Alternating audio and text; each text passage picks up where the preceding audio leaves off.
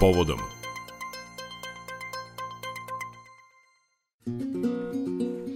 Ovo je Radio Novi Sad, prepodnevni program je u toku i stigli smo do naše rubrike Povodom u kojoj danas govorimo o predlogu o potpunoj zabrani pušenja u ugostiteljskim objektima. Znamo da je predlog nedavno iznela ministarka zdravlja Srbije, a glavni cilj jeste zaštita zdravlja stanovništva. Predlog je rađen u saradnji sa Svetskom zdravstvenom organizacijom.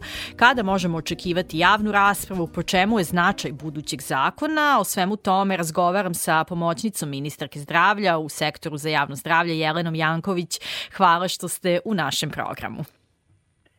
Dobar dan. E, Dobar dan. Izvolite. Hajde da krenemo odmah od tog zdravstvenog aspekta, odnosno o priči štetnosti duvanskog dima, čisto da, da uvedemo uh, i da govorimo o onome što jeste bitno u cijeloj ovoj priči. Podaci kažu da u Srbiji skoro 32% stanovnika puši. Najveći broj njih je u starosnoj dobi od 45 do 54 godine i pušenje je glavni i osnovni razlog pojave karcinoma pluća. Šta kažu statistike i koje sve bolesti se mogu javiti kao posledica pušenja? Tako je, već ste rekli u, naš, u vašoj najavi, naš osnovni cilj je briga o zdravlju stanovništva. Pitali ste me za podatke i zaista podaci koje svake godine objavljuje Institut za javno zdravlje Srbije postali su zabrinjavajući u kontekstu broja obolelih i umrlih od raka pluća. Evo ja ću navesti poslednji podatak iz 2020. godine Obolelih samo u 2020. godini od raka pluća bilo je oko 7000, umrlih oko 5000. Rak pluća je vodeća lokalizacija od koje oboljavaju muškarci i na drugom mestu kod žena. Ono što takođe želim da kažem, ovo su zaista podaci koji zahtevaju hitnu reakciju celog sistema, uključujući naravno pre svega zdravstveni sistem, ali takođe želim da kažem da pušenje izaziva i druga oboljenja, kao što su kardiovaskularno oboljenja, pre svega mislim na infarkt miokarda, moždani udar, oboljenja pluća, kao što su nastanak ili pogoršanje astme, hronična obstruktivna bolest pluća i povezuju se sa drugim e, čak malignim oboljenjima na drugim lokalizacijama, tako da svakako pušenje predstavlja jedan ozbiljan zdravstveni rizik i zbog svega toga mi smo preduzeli niz mera uključujući i strategiju za javno zdravlje, uključujući i nacionalni program za boru protiv raka, e, sve aktivnosti usmerene ka smanjenju e, štetnosti izlož, štetnom, iz, štetnom -hmm. iz, izlaganju duvanskom dimu. Ono što da, i da kažem, spomenuli ste sad, izvinite, samo bih voljela još ovde da dodamo, spomenuli ste uh, sve rizike i ugroženo zdravlja za osobe koje su pušači, ali koliko je pasivno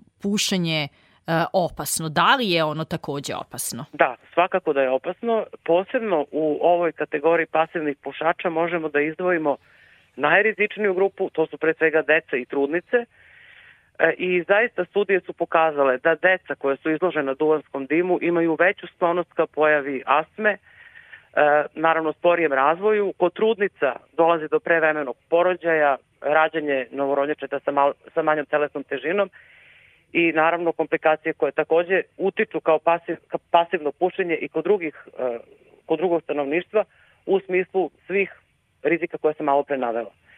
Da. Ono što takođe želim da kažem da studije koje su rađene na svetskom nivou Svetske zdravstvene organizacije pokazuju da pušači u proseku žive 16 godina kraće nego nepušači. Mislim, to je dovoljno mm -hmm. jasno dovoljno da shvatimo koliko, pa tako je. Znači, E, takođe, e, možda, možda je važno da znamo svi da okvirna konvencija o kontroli duvana koju je e, definisala Svetska zdravstvena organizacija, a Srbija potpisala 2006. godine, jasno nalaže niz mera čiji je cilj smanjenje, e, smanjenje izloženosti duvanskom dimu. Ove mere podrazumevaju i kroz povećanje cena cigareta i akciza do znakova upozorenja šta se može da izazove pušenje, na koji način e, takođe zabranu pušenja na javnim mestima, na radnim mestima, javnom prevozu i upravo zbog toga je tema ovog mog razgovora mm -hmm. sa mhm. vama i zakon o zabrani pušenja Da, naša e, zemlja inače e, prema podacima u evropskom vrhu kada je reč o broju pušača, nekih 41%.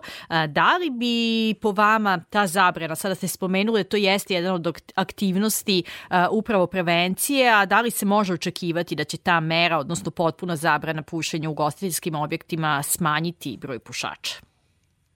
Da, ja ću se pozvati na podatke uh, koje imamo iz drugih zemalja. Pre svega, smanjit će se rizik od pasivnog pušenja, to je svakako. Uh mhm. -huh. Takođe, e, pokazuju studije u drugim zemljama koje su uvele ovaj zakon, da je u samo godinu dana nakon uvođenja zakona e, negde oko 30 procenata pušača se izjasnilo da želi da ide u savjetovalište za odvikavanje od pušenja, E, tako da svakako mi očekujemo da će pored zabrane, a smatramo da zabrana nije jedini način da ljudi postanu svesni rizika, uporedo sa tim radit ćemo i kampanje o štetnosti pušenja i naravno uporedo sa tim radit ćemo i na prevenciji, odnosno promociji zdravih stilova života, fizičke aktivnosti, zdrave ishrane i svega onoga što je dobro za zdravlje ljudi. Da, predlog e, zakona o kojem se priča ovih dana u medijima podrazumeva dakle tu potpunu zabranu pušenja u gostiteljskim objektima, e, pa me zanima ta procedura kada možemo zakon očekivati vladi, skupštini, hoće li biti javnih rasprava, kada, kako će sve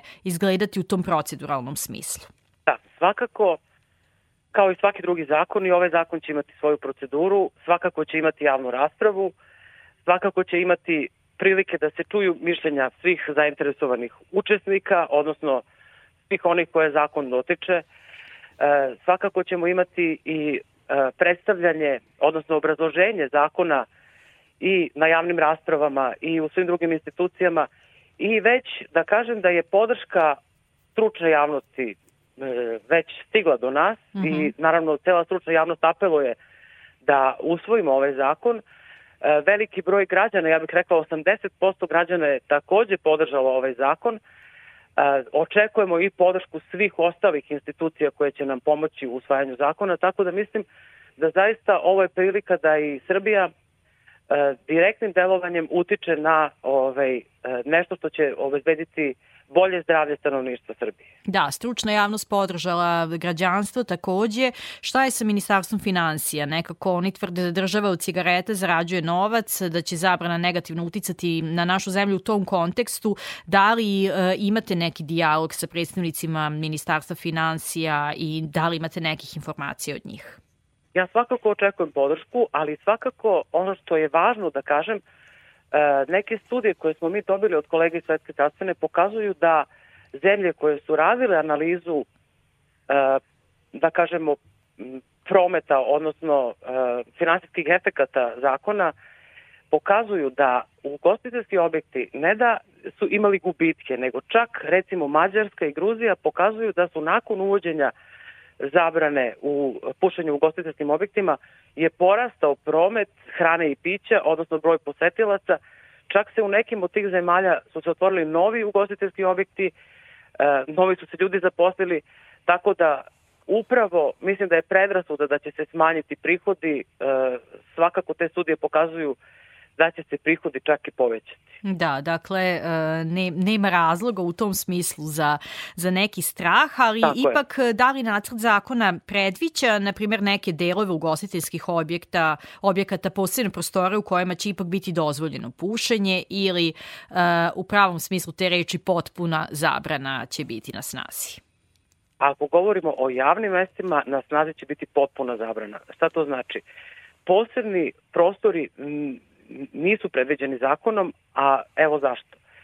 Poseban prostor zahteva specijalnu izolaciju, specijalnu ventilaciju, specijalne mere koje su pokazale prakse da je nemoguće i praktično neizvodljivo ostvariti u skladu sa tim standardima, tako da naš zakon neće predvideti posebne prostorije za pušenje u ovim objektima. Pušenje će biti moguće jedino van. Mm -hmm. Da, kada se vratimo na taj prethodni period e, i u našoj zemlji kako se sve odvijalo u vezi sa zabranom pušenja, e, zabranjeno je u velikom broju državnih institucija, zdravstvenim institucijama, prosvetnim ustanovama i sada kada se na to osvrnete koliko je to bilo značajno uopšte taj korak i kakve rezultate je dalo? Pa mogu da kažem da je dalo značajne rezultate. U Srbiji nismo uradili analizu tih zabrana, ali svakako opet ću se pozvati na neke druge države koje su radile analizu. Evo primer recimo Kine, imamo primer Irske koje su nakon zabrane utvrdile da analizom u zdravstvenom sistemu da je broj hospitalizacija od akutnog infarkta i moždanog udara samo za godinu dana nakon uvođenja zabrane broj hospitalizacije se smanjio za 12%. Mm -hmm.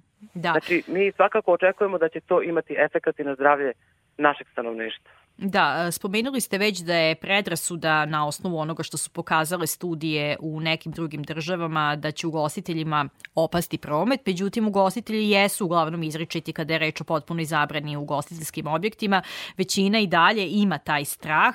Hoćete li biti otvoreni za dijalog sa predstavnicima ugostiteljstva? Da, da, svakako, svakako. Već smo imali dijaloge, već vidim da, o, da ugostitelji razumeju potrebu, razumeju i ovaj, ostale primere drugih zemalja, tako da zaista mislim da su ovo samo neki možda, ajde da kažemo, e, predrasude i ubeđenja. E, apsolutno sam sigurna da će vreme pokazati da ovo što radimo čak će imati pozitivan efekt na sve, i na mm -hmm. ugostitelje i na pre svega stanovništvo i na sve ove ljude koji za sada uh, nisu sigurni u efekte zakona. Mislim da će svakako zakon pokazati svoje pozitivne rezultate. Šta je sa elektronskim cigaretama i alternativama? Jesu li i one štetne? Prvo to da e, razjasnimo i šta nacrt zakona kaže o njima. Da li se predviđa i njihova zabrana? Da, predviđa se njihova zabrana. Naša stručna javnost koja je radila na predlozima je uvela i zabranu elektronskih cigareta uz obrazloženje da elektronske cigarete u svom sastavu sadrže hemijska jedinjenja koja svakako oštećuju plućno tkivo. Za sada se još uvek rade istraživanja analize u kom stepenu se oštećuje, ali mi ovde želimo da budemo dovoljno jasni da i elektronske cigarete su cigareti, ne želimo da ih uvedemo uopšte u bilo koju opciju korišćenja, tako da ćemo i njih zabraniti ovim zakonom. I možda za kraj e, da nam date neki okvir kada možemo očekivati ovaj zakon u Skupštini ili još pre kada će javnost biti upoznata sa tekstom zakona ili dalje e, sve znamo na osnovu onoga što, što čujemo u medijima. Znate kako, naš je e, pravac da ovaj zakon već ubrzo bude na javnoj raspravi. Naravno, onda će uslediti procedure pravno-tehničke i tako dalje, ali svakako želimo i planiramo da to bude u ovoj godini. Sve. Mm -hmm.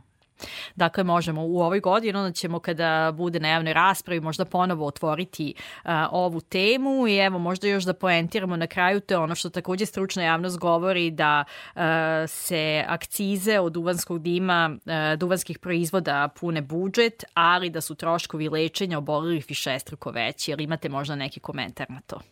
Svakako je tačno. Znači, troškovi lečenja su ogromni. Ulaganjem u prevenciju sprečit ćemo i troškove lečenja, ali ono što je najvažnije, obezbedit ćemo da nam stanovništvo bude zdravo. Hvala najlepše na izvojenom vremenu Hvala. i na ovom razgovoru. Hvala. Za rubriku Povodom Radio Novog Sada govorila pomoćnica ministarke zdravlja u sektoru za javno zdravlje Jelena Janković. Nastavljamo sa muzikom.